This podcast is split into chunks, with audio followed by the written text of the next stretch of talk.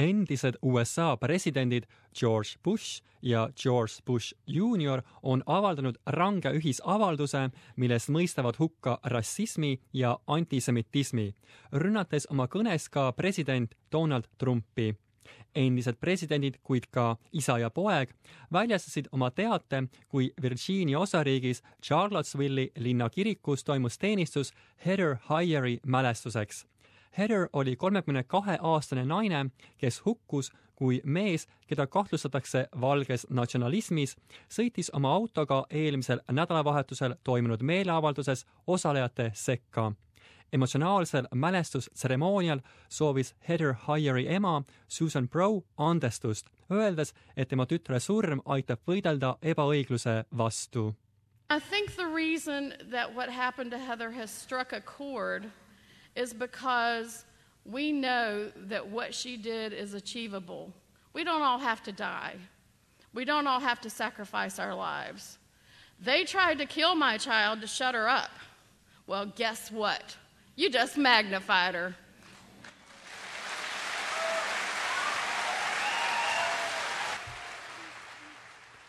Virginia osariigi demokraadist kuberner Terry McAuliffe kutsus omalt poolt üles ühtsusele. Our nation is a nation of immigrants. It is that great mosaic tile that has made us the great United States of America.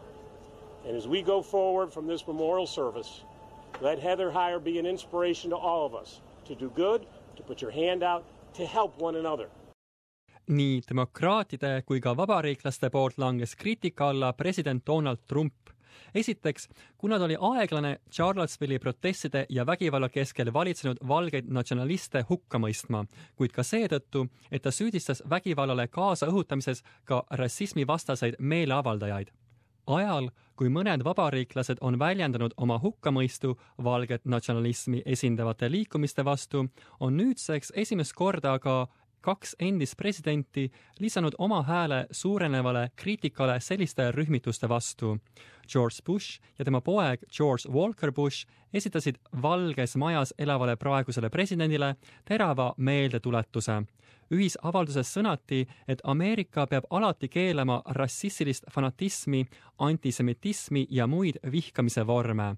Vahepeal on Baltimore'is, Marylandis ja teistes USA linnades üleöö eemaldatud konföderatsiooni mälestusmärke. see on kampaania, mille eesmärgiks on eemaldada kodusõjas orjapidamist soosinud võitlejate sümboleid. liikumine on populaarsust kogumas üle USA Baltimoori linnapea Catherine Puyot selgitas oma otsust mälestuste kiirest ja vaiksest eemaldamisest. The city charter says that the, if the mayor uh, wants to protect or feels she needs to protect the public and keep her community safe, she has the right to uh, keep her community safe. And um, I felt that the best way to remove the monuments was to remove them overnight peale Charlottesville'i sündmusi on Donald Trump sulgenud kaks oma nõuandvat komisjoni peale seda, kui mõlemist komisjonist otsustas lahkuda prominentne liige, kuna vägivaldsetele rahutustele ei järgnenud presidendi selget hukkamõistu vägivallatsete aadressil. president edastas Twitteris sõnumi, milles kinnitas, et ta sulgeb nii tootmisnõukogu kui ka strateegia ja poliitika foorumi, et mitte avaldada edasist survet paneelides osalenud ärimeestele varasemalt avaldati Campbell Suppi ja 3M peadirektoritele tugevat survet lahkumaks Trumpi tootmisnõukogust. sarnaselt sooviti ka teistelt ärijuhtidelt dramaatilisemate meetmete rakendamist toimunu osas. USA asepre-, asepresident Mike Pence on asunud Trumpi toetama, kutsudes erinevaid osapooli üles ühtsusele. What happened in Charlottesville was a tragedy. And the president has been clear on this tragedy, and so have I. In America, we will not allow the few to divide the many. The strength of the United States of America is always strongest, as the president has said so eloquently, when we are united around our shared values. And so it will always be. Briti peaminister Theresa May on sõnanud, et fašiste ja valgeid natsionaliste ei saa samastada inimestega, kes selliste rühmituste vastu protesteerivad. ühinenud Rahvaste Organisatsiooni peasekretär Antonio Guterres sõnas oma kommentaaris, et rassismi esinemist tuleb hukka mõista igas olukorras.